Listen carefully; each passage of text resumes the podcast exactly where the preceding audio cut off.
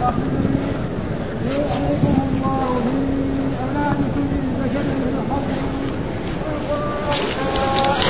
في فلهن مثلها ما ترك وإن كانت واحدة فلها النصف ولأبويه لكل واحد منهما السدس مما ترك لكل واحد منهما السدس مما ترك إن كان له ولد فإن يكن له ولد وورثه أبواه فلأمه الثلث فإن كان له إخوة فلأمه السدس من بعد وصية يوصي بها أو دين غير مضار يوصي بها أو دين آباؤكم وأبناؤكم لا تدرون أيهم أقرب لكم نفعا فريضة من الله إن الله كان عليما حكيما.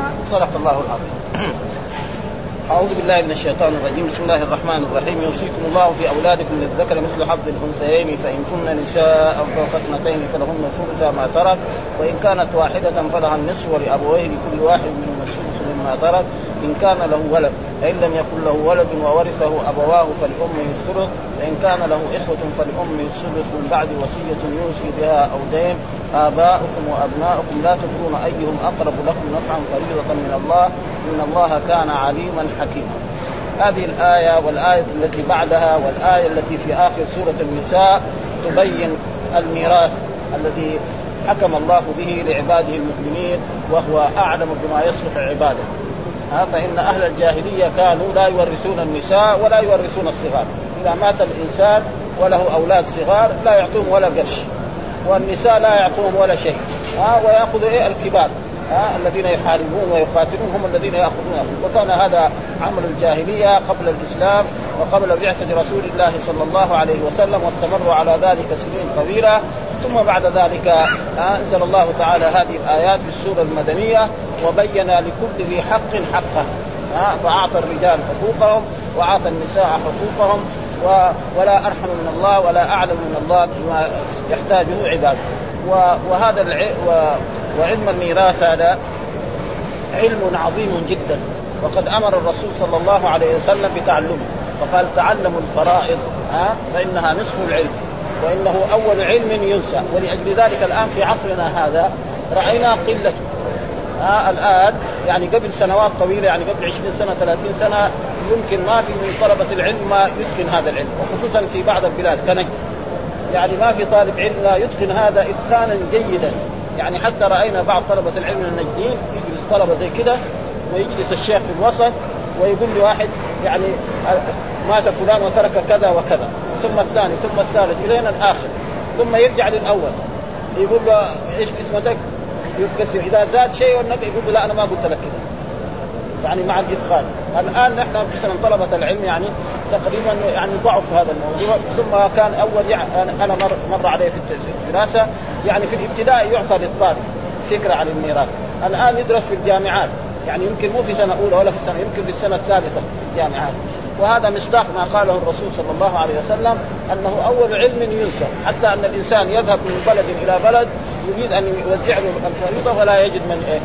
ولأجل ذلك يعني ما يجب على المسلمين أن يتعلموا هذا العلم فإنه أول علم وقد جاء في الحديث الصحيح يقول تعلموا الفرائض وعلموها الناس فإنه نصف العلم نصف العلم ها؟ ويجب على المسلمين أن ثم هناك هذه الآيات الثلاثة هذه يوصيكم الله في أولادكم. ولكم نصف ما ترك أزواجكم يستفتون قل الله يفتيكم في الكلالة. إن امرؤ هلك ليس له ولد وله أخت فلها نصف ما ترك وهو يرث إن لم يكن له ولد. وان كانت اثنتين فلهما الثلثان ما ترك. وإن كانوا إخوة رجالا ونساء فللذكر مثل حظ الأنثيين. يبين الله لكم أن تضلوا والله هذه ثلاث آيات. بينت الميراث غاية تماما. ها؟ وهناك كتب بهذا العلم. وأحسن يعني كتاب رأيناه هو يعني تقريبا الرحبيه يعني كتاب الرحبية هذا كتاب مبارك. والظاهر إن صاحبه كان مخلصا غاية الإخلاص فلأجل ذلك يعني وهو نظم يعني إيه شعر آه وكان هو من هذا يعني أول ما نستفتح المقالة بذكر حمد ربنا وبين ما يخص الرجال الرجال الوارثون عشرة والنساء سبعة. والذين يرثون النصف كذا والذين يرثون الربع كذا والذين يرثون الثلث كذا والذين يرثون الثلثان كذا والذين يرثون الثلث كذا والمحجوبين إلى غير وتقسيم التركة يعني كتاب من أحسن الكتب. فأي طالب علم أو أي مسلم يعني هذا ما يكفي هنا. آه لابد من دراسة هذا الكتاب ويكون وهو علم يعني جيد ولا بد يكون يعرف الحساب. ولأجل ذلك وكان أهل الجاهلية يعني لا يعطون لا الأطفال لا الصغار ولا النساء. بل إذا مات الميت الكبار هم يأخذون الميراث. فأول آية نزلت نعم كتب عليكم إذا حضر أحدكم الموت إن ترك خيرا الوصية للوالدين والأقربين.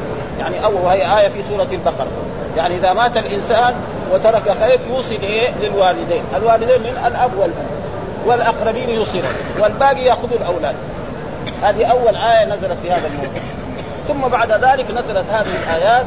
وبينت إيه ما يجب لكل إنسان وأمر إيه بتعلم علم الفرائض. ثم جاء في حديث عن رسول الله صلى الله عليه وسلم آه، الحقوا الفرائض بأهلها. فما ابقت الفرائض فلأولى رجل ذكر. الحقوا الفرائض. ما هي الفرائض؟ الفرائض هي النصف والربع والثلث والثلثان والسدس والسدس وكل واحد مبين. ها مين ياخذ الربع مين ياخذ الثمن مين ياخذ الثلث وهذا موجود في الكتب. وهنا في الآية هذه تقريبا هم من فين اخذوه من هذه من هذه الثلاث الآيات. ها؟ ولذلك يعني إن الآيات قد يعني يشتبه على الإنسان شوية ولكن الكتاب أو كتب الفقه كمان. كتب الفقه كذلك تبين مثلا أي كتاب من المذاهب الأربعة يعني تجد يبين هذا بيانا شافيا على أحسن ما يرام. فهذا تقريبا ويجب إيه الناس أن يتعلموا. والله أعطى كل ذي حق حقه. أعطى كل ذي حق. جاء ناس مثلا يقول طيب كيف يعطي الرجال أكثر الذكر يعطي أكثر من من هذا هذا العدل. لأن الذكر نعم يتزوج. يحتاج إلى إيه؟ إلى مال. نعم يتزوج يحتاج إلى مال. المرأة تزوج. نعم ويعطى تعطى صداق. وتنقل إلى بيت زوجها. وتجيب أولاد. والزوج هذا ينفق عليه وينفق على أولاده. هذا العدل كل العدل. يعطوا يعني عشانها ضعيفة يعطوها عشرة ويعطوا الرجل خمسة. ما هذا ما هو إنصاف. جو ناس كون الكفار يقولوا هذا ما يقول. لكن الآن ناس من المسلمين يقولون هذا. ها؟ هذا غلط. يعني واحد مسلم يقول إيه؟ كيف القرآن يعطي يعطي الأولاد ذكور أكثر هذا خطير هذا. يعني يمكن يؤدي إلى الردة هذا. ها؟ يؤدي إلى الردة من الإسلام. لأنه ما في أعدل من الرب سبحانه وما في أرحم من الرب سبحانه وتعالى ولأجل ذلك كان يجب أن الناس يعلموا هذه وهذا هو تقسيم الميراث الذي يعني أراده الله سبحانه وتعالى وقال يوصيكم. إيش معنى الوصية؟ الأمر المؤكد. ها إيش معنى؟ وقال القرآن وصينا الإنسان بوالديه حسنا. ها في غير آيات من هذه معنى الأمر المؤكد.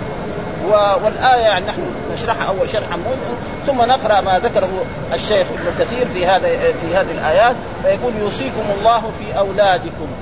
وثم الميراث يعني في ناس يمنعوا من الميراث يعني يعني مختصر هذا مثلا يمنع من الميراث يعني يعني ثلاث يعني الرق والذي يقتل قريبا لها نعم واختلاف الدين.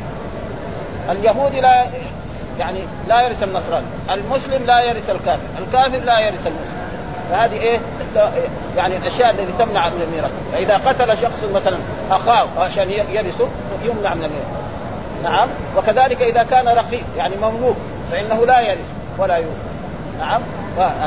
ويمنع الشخص من الميراث واحدة من رق وقتل واختلاف دين. كذلك إذا كان يهودي أو نصراني. و... و... ولل... وللميراث أسباب ثلاثة. ما هي؟ النسب والنكاح والولاء. رجل يتزوج مرأة فهي ترث وهو يرث. هذا أسباب النكاح. النسب الابن الأب الأخ العم هذول هذول. ها؟ الولاء مثلا رجل يكون عنده عبدا مملوكا أو أمة مملوكة ويعتقها فإذا ماتت الأمة هذه أو مات العبد وليس له ورثة ليس له ابن ولا ابن ولا أخ ولا أخ مين يرثه؟ هذه أسباب الميراث وهناك مذهب من المذاهب يورث ذوي الأرحام. ها وأكثر المذاهب لا خصوصا مذهب الإمام مالك رحمه الله تعالى ومذهب الإمام الشافعي لا يورثون إلا هؤلاء. وهناك مذهب من المذاهب يورث إيه؟ يعني ذوي الأرحام يعني الخال. إذا ما وجد هؤلاء إلى غير ذلك ولذلك يقول الله تعالى في هذه الآيات يوصيكم الله يعني يأمركم الله ويعهد إليكم أن تعملوا بهذا في أولادكم. والولد يشمل الذكر والأنثى دائما. يعني دحين واحد قلنا ولد له ولد. ممكن يكون ذكر ويمكن الأولاد دائما يشمل ولذلك في أولاد ثم يدخل في الأولاد أولاد أولاد الإبن. ها فإذا مثلا مات إنسان وله أولاد. أولاد الإبن ما يرثوا شيء. فإذا مات ما عنده أولاد أولاد ابنائه يحلوا محل. ها؟ في أولاد. كلمة أولادكم يشمل الذكر والأنثى. ويشمل إيه؟ يعني الولد من صلبه وولد ولد. هذا قال للذكر مثل حظ الأنثى. فإذا الذكر أخذ 100 نعم البنت تأخذ 50 ألف 500 وهكذا. ها للذكر مثل حظ قال فإن كن نساء فوق اثنتين. فإن كنا نساء وكنا الأولاد هذول يعني قلنا الولد يشمل إيه؟ الذكور والأنثى. فوق اثنتين. يعني أكثر من يعني ثلاثة فأربعة عشرة إن شاء الله واحد مثلا مات وترك 20 بنت. إيش لهم؟ الثلث طيب فإذا ك... الآية دحين تقول فوق اثنتين. طيب إذا كان اثنتين ما الحكم في ذلك؟ الحكم إذا كان أكثر ثلثان فإذا إذا كانوا اثنتين من باب أولى وأحرى هذا هو. ولكن هناك آية تثبت في إيه؟ في آخر السورة وهو يستفتون جاء في القرآن أن أن للأختين نعم الثلثان. فإذا كان الله يحكم للأختين الأختين أقرب ولا ولا البنات؟ البنات أقرب إلى الميت من إيه؟ الأختين. فإذا كان الله حكم للأختين نعم بالثلثين. فإذا البنتين يكون إيه؟ طب أولى واحد فيصير قياس هذا ها؟ هنا قال فوق اثنتين قال فلهما ثلثان مما ترك. ها؟ فلهم الثلثان يعني أي إنسان يموت ويترك بنتين أو بنت ابنه ويكون البنتين ما هم موجودات فلهما إيه؟ الثلثان وكذلك إذا كان فوق اثنتين يعني ثلاثة فما زال اذا إذا كان اثنتين من باب أولى وأحرى أن يكونوا كذلك فلهن ثلث ما ترك. وفي بعض من العلماء قالوا كنا فوق اثنتين نساء اثنتين. يعني كناء اثنتين وفوق هذه زائد ولكن الحافظ ابن كثير يقول لا ما في شيء في القرآن زائد. وهذا ونحن نخليها كما هي. وإن كانت واحدة مات إنسان وترك بنتا واحدة. ما عنده لا ولد ذكر ولا هذا فلها النصف. ومعلوم أن هناك في في الرحبيه موجود. من اللي يأخذ النصف؟ بين مثلا البنت وبنت الإبن والأخت الشقيقة والأخت لاب كذا يعني تقريبا هذول يعني. ولكن كلهم بشروط. قال فلها النصف. ولأبويه لكل شخص مات وترك مثلا بنتا وترك أبويه. يعني أب وأم. إيش يأخذ؟ البنت تأخذ النصف. والأب يأخذ إيه؟ السدس. والأم تأخذ السدس. باقي إيه؟ سدس واحد. الأب يأخذ. يصير تعصيب هذا. ها؟ يصير الأب إيه؟ يعصب. يأخذ إيه؟ السدس الباقي. يصير يعني يأخذ فريضة سدس ويأخذ كذلك إيه؟ تعصيب سدس. هذا تقريبا هذا. مما ترك. إن كان له ولد. قال مما ترك إن كان له ولد. إذا كان له ولد فإن لم يكن له ولد ما كان له ولد وورث يعني شخص مات وترك أبوين وما ترك ولد. قال إيش يكون؟ ها فإن لم يكن ولد وورثه أبواه فلأمه الثلث. يعني شخص مات وترك ابوين أب وأم. ها وما فإيش؟ الأم تأخذ الثلث. يعني فرضا يعني فرض. والأب والاب, والاب, والأب يأخذ إيه؟ الثلث. تعصيبا قال فإن كان له إخوة وهنا الإخوة المراد به الإخوة الأشقاء أو الإخوة لأب. ها المراد بالإخوة هنا الإخوة الأشقاء أو الإخوة لأب. ها مع إنه ما قال هنا يعني وكان يعني لو كان إخوة. فالمراد بالإخوة الإخوة لأب أو الإخوة الأشقاء. ها فإذا كان إن كان له إخوة فلامه السدس. فإن كان له إخوة سواء كانوا أشقاء أو لأب فلأمه السدس. ثم قال من بعد وصية يوصي بها أو دين. من بعد وصية يوصي يعني أو دين طيب ما هو المقدم إذا مات الميت؟ يعني دحين قال وصية أو دين. يعني أول الوصية ولا أول الدين؟ لا مع إنه الآية دحين جاء الدين متأخر. لكن الحكم الشرعي والذي أمر به رسول الله صلى الله عليه وسلم أن أول شيء الدين. يعني إذا مات الميت أول ما نقوم من ماله نعم بتجهيزه. مات شخص منا أول شيء يقوم ورثته وأهله بتجهيزه، يعني ما إيه؟ من كفنه وغسله وما يحتاج ذلك ثم احضار المسجد والصلاة عليه ثم دفنه فهذه مصاريف هذه تصرف عليه من إيه من إذا ما كان أحد يصرف عليه. ثم بعد ذلك الدين. ثم بعد ذلك الوصية. لكن هنا اخر الدين. ليه؟ السبب في ذلك أن الدين يعني يمكن الورثة يقول ماله ما يعني آه الوصية ما مثلا يجي والدهم يكون كاتب كتابة أوصي لفلان وفلان بكذا. يكون الأولاد حقون والورثة لا الوصيه إحنا ما نقبلها. والدنا ما وصى الدين يقول لا ما عليه دين. يجيب هذاك سند وشهود. إن لي على أبيكم كذا وكذا. يقولوا لا يشتكي من المحاكم الشرعية يثبت دينه. ها؟ الوصية ليه قدمها لأجل هذا؟ ها؟ لأن الوصية يمكن ينكروها الورثة. لكن الدين لو أنكروا قال ما, ما على والدنا دين. يجيبوا شهود. يجيبوا إيه؟ كتاب بخط يده يعرفوا خط يده هم. نص أبوهم ده ولا أخوهم ولا عمهم ولا أي واحد من فلذلك هو إيه؟ وإلا أول حكم هو إيه؟ الدين مقدم ولذلك أمر الرسول صلى الله عليه وسلم كان الرسول صلوات الله وسلامه عليه إذا مات إنسان هنا في المدينة فإن كان عليه دين لا يصلي عليه. ها؟ ابدا ما يصلي عليه. ويأمر أصحابه أن يصلوا عليه. ثم بعد ذلك لما وسع الله على المسلمين وصارت غنائم وهذا صار أي واحد يموت وعليه دين الرسول يسدد وميراثه لأولاده. ها؟ والدين له شان يعني أول شيء يعني ينظر فيه مسألة الدين. ها؟ بعدين ثم يقول الله تعالى آباؤكم وأبناؤكم. لا تدرون أيهم أقرب لكم نفعا فريضة يعني الإنسان له آباء وله أبناء. أيهما أنفع له من جهة الدنيا والآخرة؟ ما يعلم. مين اللي يعلم؟ الرب سبحانه وتعالى. قد يكون الأب أنفع للولد. وقد يكون الابن انفع ها؟ من جهة الدنيا ومن جهة الآخرة. ولذلك هنا يقول آباؤكم وأبناؤكم لا تدرون أيها الناس ايهم اقرب لكم نفعا ها؟ من جهة الدنيا. قال فريضة يعني هذا حكما واجبا من الله سبحانه وتعالى. فيجب على المسلمين إذا مات أي إنسان أن يوزع على هذه الطريقة ولا يعترض على ذلك فإن الله أحكم الحاكمين وأعلم بشأن عباده. وقد جاء في الأحاديث الصحيحة إن الله أرحم يعني يعني بعباده من الوالدة بولدها. فلأجل ذلك وسع هذا الميراث ثم الآية الثانية كذلك وهذا يجب. ثم قال إن الله كان عليما حكيما. إن الله الذي هو يعني قلنا علم على الرب سبحانه كان عليما حكيما. وقلنا كان دائما إذا جاءت للرب سبحانه وتعالى بمعنى يعني ما لم يزل. يعني باستمرار. ما زال لا في الماضي وفي الحال وفي الاسم. أما لما نقول نحن كان محمد مسافر في الماضي. دحين إيش؟ هو؟ يمكن ما لكن ما كان ما ندري ها؟ أما الله لما يقول كان الله عليما معناه كان في الماضي وفي الحال وفي الاستقبال. وهذا من فسره؟ فسره عبد الله بن عباس. موجود في صحيح البخاري انه ناس وسالوا إيش معنى كان؟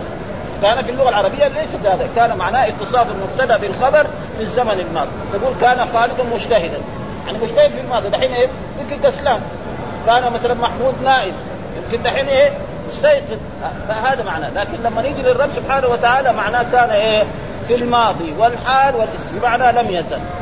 هذا هو معناه كان دائما للرب سبحانه وتعالى. وأما كان للمخلوق لا فهي تتغير ويقول كان الأمير نعم يعني مسافرا. كان في الماضي كان دحين إيه؟ يمكن مقيم. نحن ما ندري عنه يمكن هذا لكن الله لما يقول كان الله دائما في القرآن. كده يعني كان في القرآن بمعنى لم يزل. في الماضي والحال والاستقبال؟ هذه معنى الآية وذكر فيها أشياء يعني ما يمكن إيه يعني هذا تقريبا عشان نعرف بس الألفاظ ونقرأ ما, ما ذكره الحال يقول هذه الآية الكريمة والتي بعدها والآية التي هي خاتمة هذه السورة هي آيات علم الفرائض وهو مستنبط من هذه الآيات الثلاث ومن الأحاديث الواردة في ذلك مما هو كالتفسير لذلك ولنذكر منها ما يتعلق بتفسير ذلك وأما تقرير المسائل ونصب الخلاف يعني الخلاف بين الأئمة في مواضع والأدلة والحجاج بين الأئمة فموضعه كتب الأحكام. والله كتب الأحكام معناها كتب الفقه. إيش معنى كتب الأحكام؟ يعني كتب الفقه على المذاهب الأربعة وعلى غيره أو كتب الأحاديث برضه ولا كتب الأحكام يعني تكون هي أشرح لذلك، وقد ورد الترغيب في تعلم الفرائض وهذه الفرائض الخاصة من أهم ذلك، وروى أبو داود وابن ماجه من حديث عبد الرحمن بن زيد بن أنعم الإفريقي عن عبد الرحمن بن رافع التنوفي عن عبد الله بن عمرو مرفوعا العلم ثلاث وما سوى ذلك فهو فضل. آية محكمة وسنة قائمة وفريضة عادلة. هذا المراد فريضة عادلة معناها علم الفرائض. وعن أبي هريرة قال قال رسول الله تعلموا الفرائض وعلموها الناس فإنها نصف العلم وهو ينسى وهو أول شيء ينزع من أمتي وقد حصل ذلك في هذه الأزمان كثير من طلبة العلم لا يعرف هذا الفرق خلي عادة الناس العوام وقد يأتي زمان يقول الإنسان يموت ميت ويذهب إلى البلدان والله مثلا فلان مين يوزع الفريق؟ يسأل هذا الشيخ، يسأل هذا العالم، يسأل هذا المثقف، ما حد يجاوب. وهذا مبادئه الآن حصلت كثير من طلبة العلم لا يتقنونه. مع انه كان في الزمن السابق يتقنونه ويعرفونه معرفة عظيمة جدا. وقال إنما سمي الفرائض نصف العلم لأنه يبتلى به الناس، ما في واحد ما يحتاج لعلم الفرائض. ها؟ لابد كل واحد يبغى يموت. أو يموت وقريب. ضروري هذا. كل الناس يحتاج. في بعض العلوم ما يحتاج. علم الحساب مثلا علم الجغرافيا. ما هو لازم أما هذا لابد واحد. إما يموت هو ولا يموت هو. وبعدين يحتاج إلى الميراث. ما في واحد يستغني عن هذا العلم ابدا. ها سؤال وقد حدث وحدثنا إبراهيم بن موسى عن جاء قال عادني رسول الله صلى الله عليه وسلم وأبو بكر في بني سلمة آه ماشيين فوجد فوجد النبي صلى الله عليه وسلم لا اعقل شيء فدعا بماء فتوضأ ثم رش علي فأفقت فقال ما تأمرني أن أصنع في مالي يا رسول الله فنزلت يوصيكم الله في أولادكم من الذكر مثل حظ الأنثيين وكذا رواه مسلم والنسائي من حديث حجاج ابن محمد الأعور عن ابن جريج ورواه الجماعة كله من حديث سفيان بن عيينة عن محمد بن المنكدر عن جابر وحديث آخر عن جابر في سبب نزول الآية ها إيه سبب نزول الآية؟ قال حدثنا أحمد حدثنا زكريا عن ابن عدي حدثنا عبيد الله وابن عمرو الرقي عن عبد الله بن محمد بن عقيل عن جابر قال جاءت امرأة سعد بن أبي الربيع سعد بن أبي الربيع إلى رسول الله فقالت يا رسول الله هاتان ابنتا سعد بن الربيع قتل أبوهما معك في يوم أحد شهيدا وإن عمهما أخذ مالهما فلم يدع لهما مالا ولا ينكحان إلا ولهما مال. قال فقال الرسول يقضي الله في ذلك. فنزلت آية الميراث فأرسل رسول الله صلى الله عليه وسلم إلى عمهما فقال اعط ابنتي سعد الثلثين وأمها الثمن وما بقي فهو لك. وهذا هو الحكم الشرعي. ها؟ يعني هذا يقول آه، جابر بن عبد الله إنه توفي آه، جاءت امرأة سعد ابن الربيع إلى رسول الله فقالت يا رسول الله هاتان ابنتا سعد توفي أبوهما معك في غزوة أحد وأخذ والدهما المال كما كان في الجاهلية يأخذ إيه؟ الذكور المال ولا يعطي البنات. فقال سيقضي الله في ذلك فانزل الله تعالى يوصيكم الله في اولادكم من الذكر مثل حظ الأنثيين. فنادى رسول الله صلى الله عليه وسلم عم البنات وقال له اعطي البنتين الثلثين واعطي الأم الثمن لأن لأن لها أولاد وأنت خذ إيه؟ الثمن الباقي خلاص. ها؟ فلأجل ذلك هذا هو الحكم الشرعي. فأرسل رسول الله صلى الله عليه وسلم إلى عمهما أعطي ابنتي سعد الثلثين وامهما الثمن فهو لك. وقد رواه أبو داود والترمذي وابن ماجه من طريق عبد الله بن محمد بن عقيل وقال الترمذي ولا يعرف إلا من حديث. والظاهر أن حديث جابر الأول إنما نزل بسبب الآية الأخيرة من هذه السورة كما سيأتي. فإنه إنما كان له ذلك أخوات ولم يكن له بنات وإنما كان يورث كلالة. وإيش معنى الكلالة في الآيات؟ يورث كلالة. يعني يموت الإنسان وليس له أصل وليس له فرع. يعني ليس له أب ولا جد وليس له أولاد ولا بنات. هذا معنى الكلالة.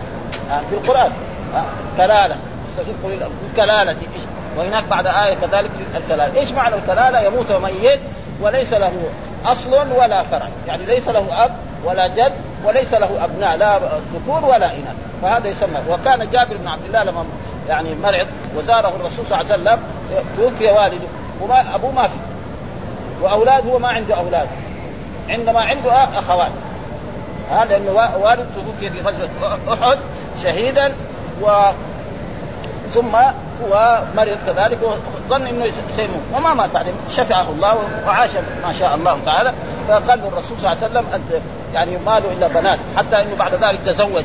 ها؟ فلما تزوج قال الرسول يعني من زوجتين قال لا بكرا تزوج. قال له لا أنا والدي مات وترك لي سبعه أخوات. صغار بعضهم بنات صغار عمرهم سنة ولا سنتين. ها فقال جبت لهم واحدة بنت المرأة كبيرة في السن عشان إيه تعالج. واحدة تمشطها واحدة تروشها واحدة تغسلها. نجيب لهم واحدة بنت ثانية يصيروا كمان ثمانية. يتضاربوا كل يوم في البيت يعني. ها ها؟ ها بتصير هذول سبعة وهذه واحدة كمان بنت عمرها 12 سنة ولا 13 سنة يتقاتلوا في البيت وبعدين يصيروا يطلقوا ولذلك كل واحد يتزوج بنت صغيرة خصوصا في الزمن الاسلامي دحين مو زي دحين عصر. دحين ما تتزوج البنت الا عمرها 15 16 18 20 كمان 24 25 30 سنة. لما تتعلم. ها تدرس المتوسط والثانوي والجامعة. وبعد ذلك لما تدرس الجامعة بعدين يفوتوها الرجال. خلاص تقعد إيه بايرة. ها؟ ها؟ هذا هو الواقع يعني انها تبغى مبلغ من ولذلك هذا ولذلك هذا. والحديث أشبه نزولا بهذه الآية والله أعلم. وقوله يوصيكم الله في أولادك يامركم بالعدل فيه فإن أهل الجاهلية كانوا يجعلون جميع الميراث للذكور دون الإناث فامر تعالى بالتسوية بينهم في أصل الميراث أنهم كلهم يرثون وفاوت بين الصنفين فجعل للذكر مثل حظ الأنثى وذلك لاحتياج الرجل إلى مؤونة النفقة والكلفة ومعاناة التجارة والكسب وتحمل المشاق فناسب أن يعطى ضعف ما تأخذه الأنثى. وقد استنبط بعض الأذكياء من قوله تعالى يوصيكم الله في أولادكم. ها للذكر أنه تعالى أرحم بخلقه من الوالدة بولده حيث أوصى الوالدين باولادهما فعلم أنه أرحم بهم منهم كما جاء في الحديث الصحيح وقد رأى امرأة من السبع فرق بينها وبين ولدها فجعلت تدور على ولدها فلما وجدته من السبع أخذته فألصقته بصدرها وارضعته فقال رسول الله صلى الله عليه وسلم لأصحابه أترون هذه طارحة ولدها في النار وهي تقدر على ذلك؟ قالوا لا يا رسول قال فوالله أرحم بعباده من هذه بولدها. ها ما في أرحم الرب سبحانه. وقال البخاري ها هنا حدثنا كذلك محمد بن يوسف حدثنا وكانت الوصية للوالدين فنسخ الله من ذلك ما أحب وجعل للذكر مثل حظ الأنثيين وجعل للأبوين لكل دحين ما في وصية للأب. لا يجوز الإنسان يوصي لأبيه. فإذا أراد يوصي يوصي للناس الذين لا يرثون ها ولذلك جاء في الحديث لا وصية للوارث. إذا نص. لا وصية. يبغى يوصي مثلا آه يعني عنده أولاد ما يوصي عنده الأخ ما يرث مع الاولاد يوصي رجل أجنبي صديقا له أو قريبا له يوصي أما الأولاد والذين يرثون زوجته ما يوصي له بنته ما يوصي له أما أخوه واخته وعمته وخالته يوصي له لأن هذول إذا كان في أولاد ما يرثون.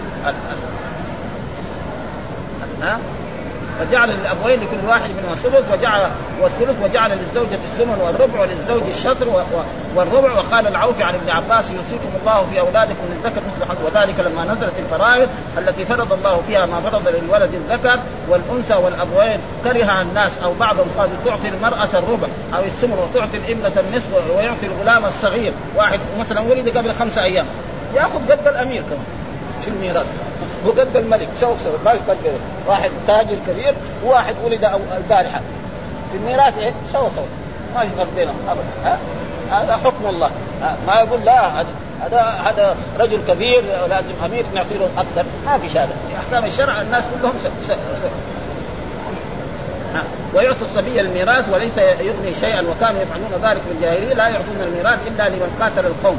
ويعطونه الأكبر. فالاكبر ورواه حاتم فإن كن نساء فوق اثنتين فلهن ثلث ما قال بعض الناس. قوله فوق زائده وتقديره فإن كن نساء اثنتين كما في قوله فاضربوا فوق الأعناق. يعني فاضربوا الأعناق وهذا غير مسلم ها هنا ولا هناك فإنه ليس في القرآن شيء زائد لا فائدة فيه وهذا ممتنع. ثم قال فلهن ثلثا ولو كان المراد ما قالوه لقال فلهما ثلث ما ترك. فلهما يعني يعني بالجمع فلهن.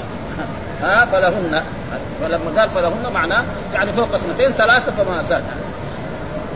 وإنما إنما استفيد كون الثلثين للبنتين من حكم الأختين في الآية الأخيرة فإنه تعالى حكم في الأختين بالثلثين. وهذا دليل على إثبات القياس. يعني في بعض العلماء يقولوا ما في قياس. وهؤلاء العلماء لو جينا لهم اللي يقولوا ما في قياس يعني كيف يعطوا البنتين الثلثين؟ من فين؟ في, في القرآن ما في فإذا إيه؟ قسم إذا كان الله أعطى في القرآن الأختين الثلثين البنتين أيهما أقرب للميت؟ اخته ولا بنت بنتين؟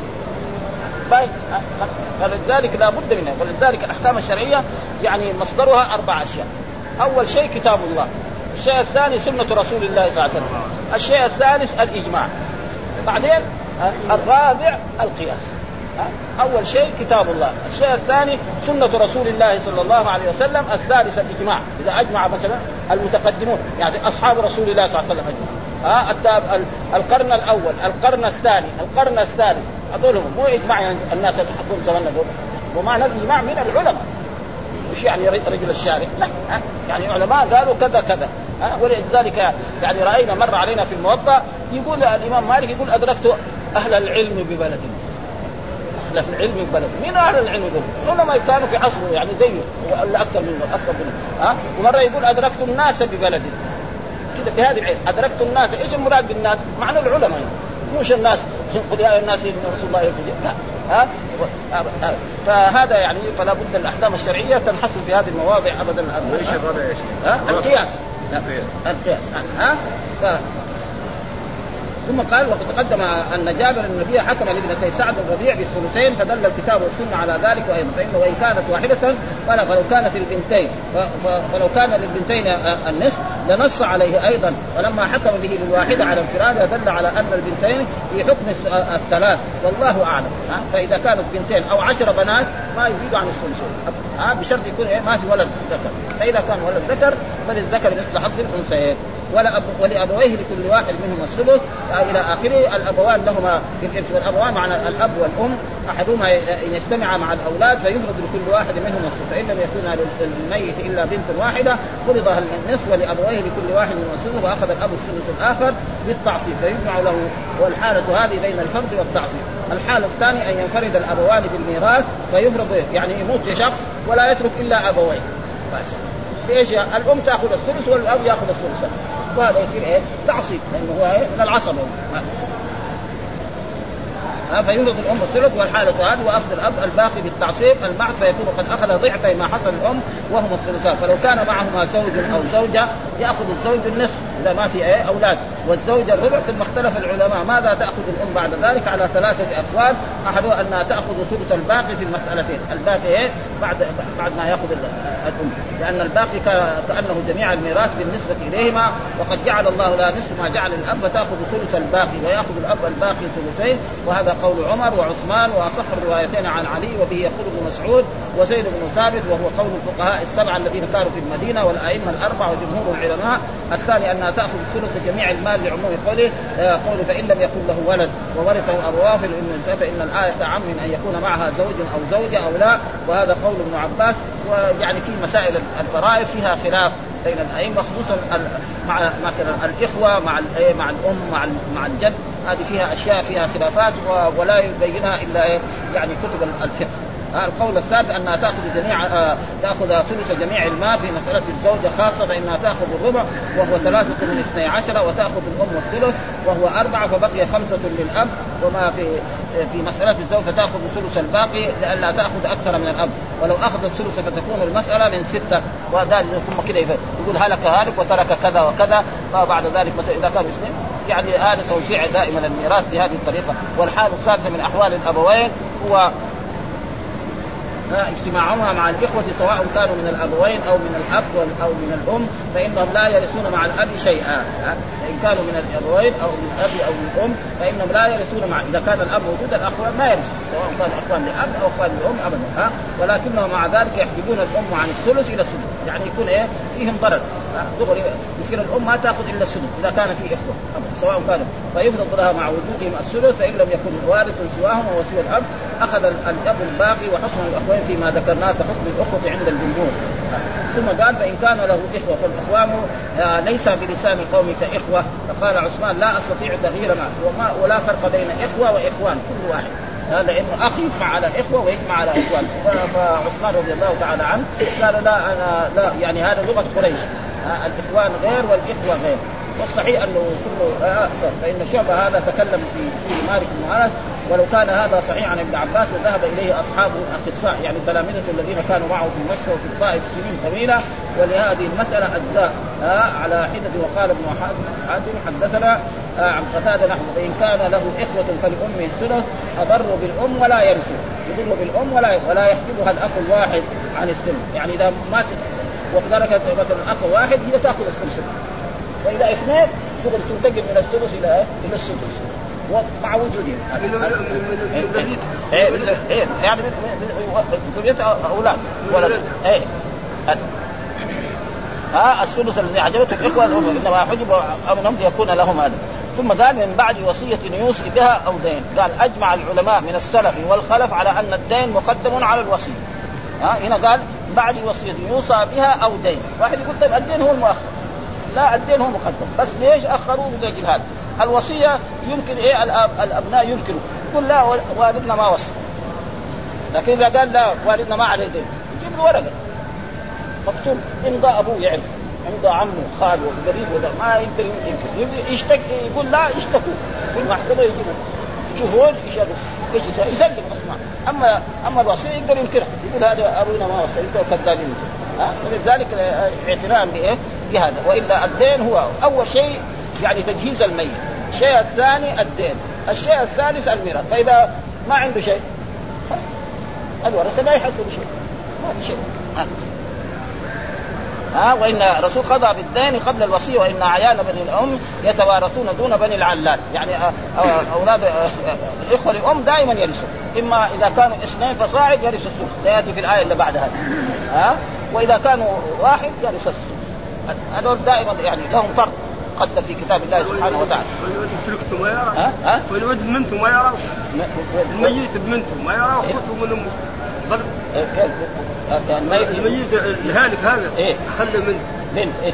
وذوك اخوته من امه يحضروا فيه الاخوه للام الاخوه للام إذا هي ماتت للام ما- يرث معها. إذا كان في إذا في هو بمنته بمنته واحدة إيه. الهالك هذا بمنته واحدة إيه.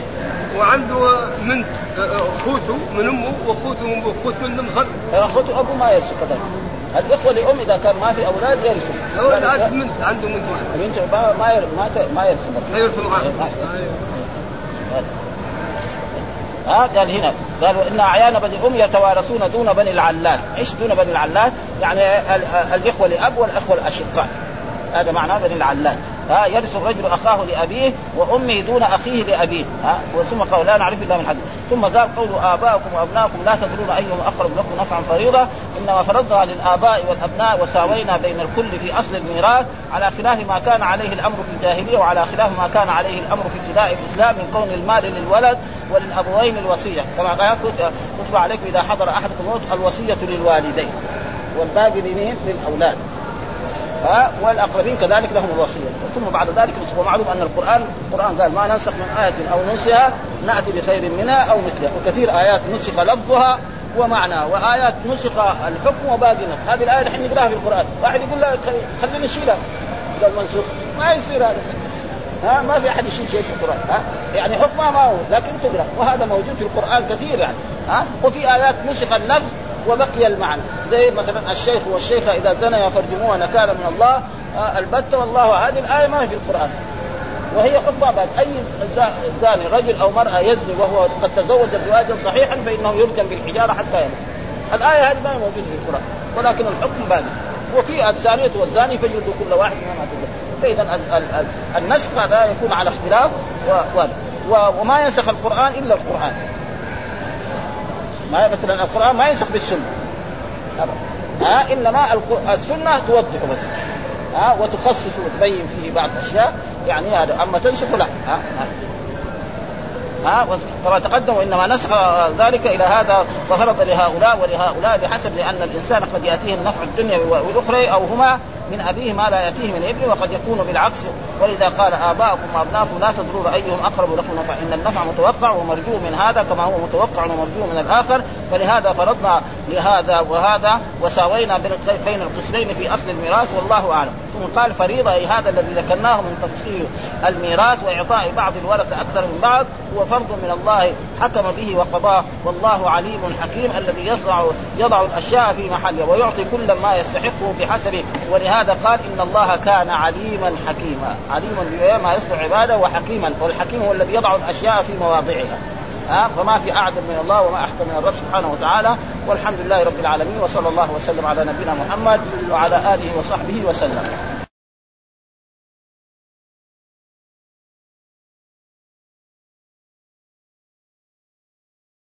فضيلة الشيخ الله نعم.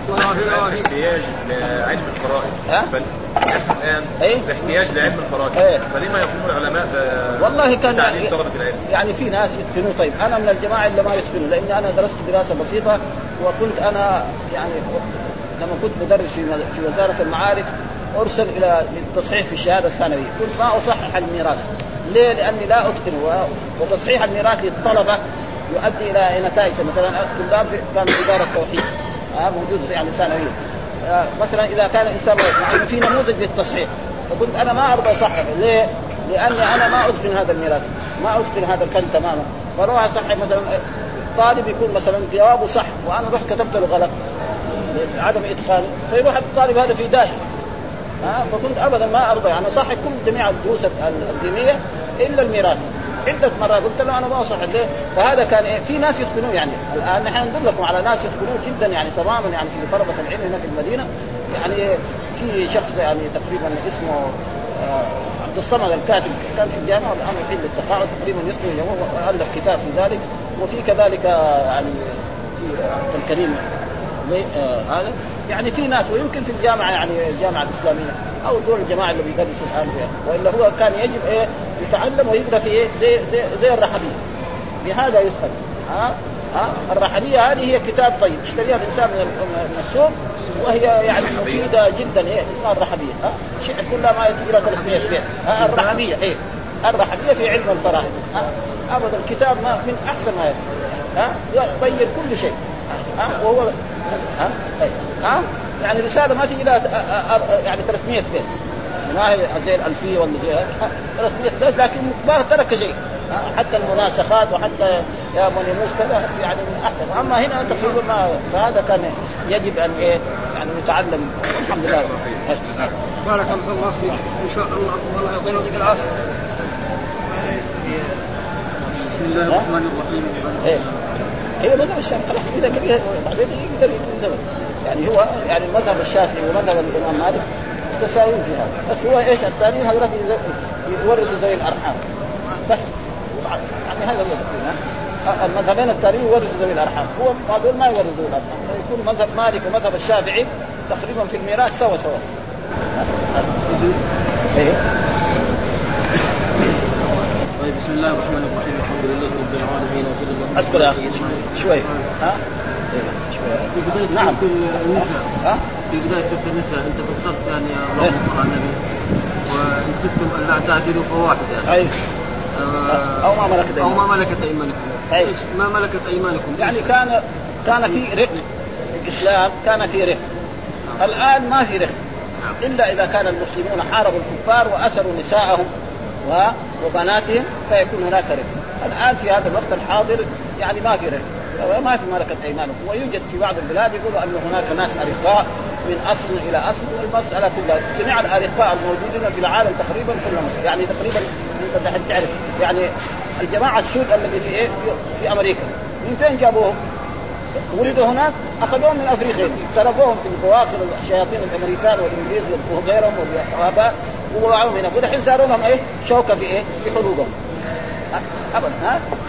ها؟ ما فإذا وجد يعني محارب المسلمون حاربوا الكفار وانتصروا عليهم فاسروا نساءهم ها، ويسلوا هذه الإمام فله أن بعدما إن كانت بكرا له أن يجامعها فإذا جابت أولاد تصير حرة. تخدمه ما دام هو حي فإذا ما تصير وإذا كانت لا سيد بعد ما يستبرئها بحيضة. إذا كانت يعني هي كانت سيد آه، فلازم إيه يستبرئها بحيضة ثم يجامعها.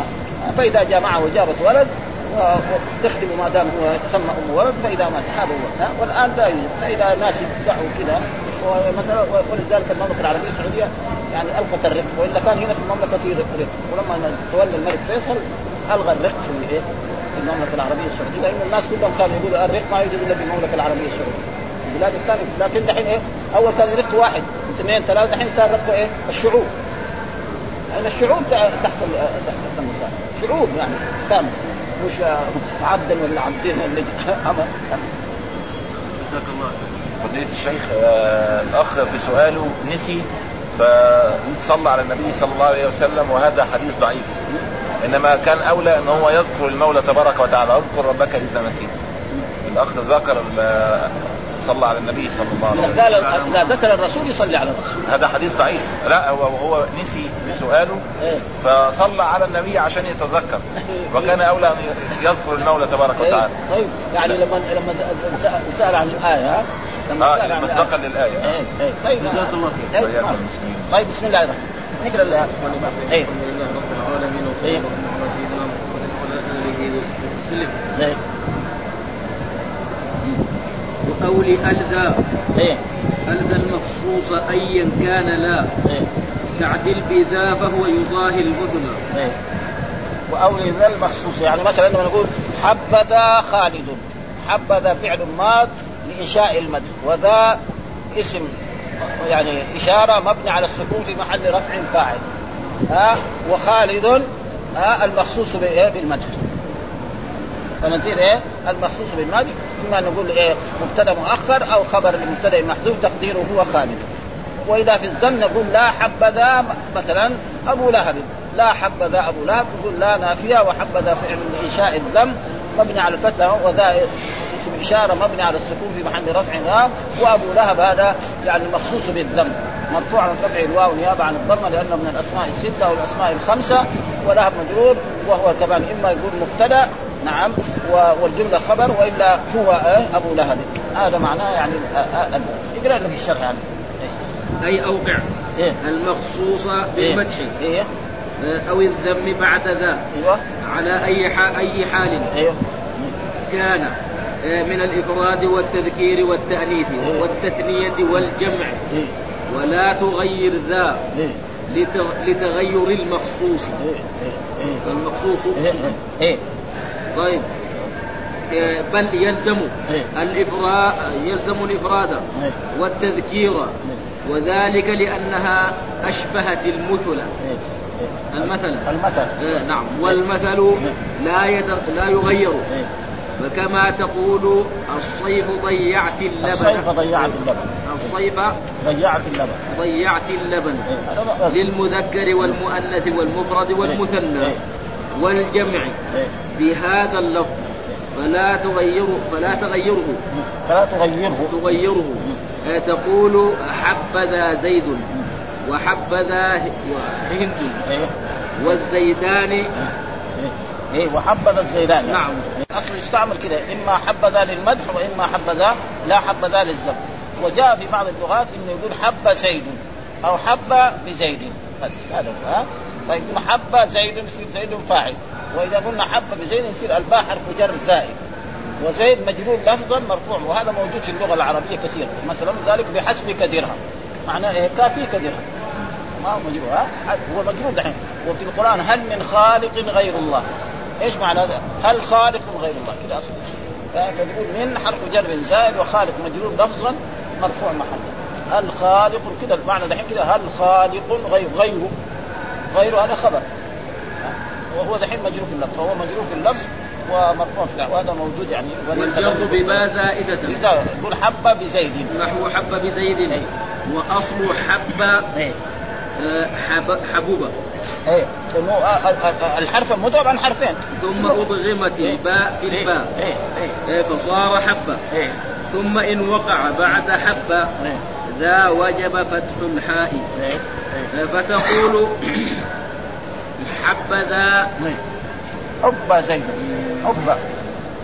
نعم. جاز ضم ضم الحاء وفتحها آه يقول حب ويحب. حب. حب حب زيد. حب زيد وحب زيد. نعم. جاز الاثنين وجب فتح الحاء.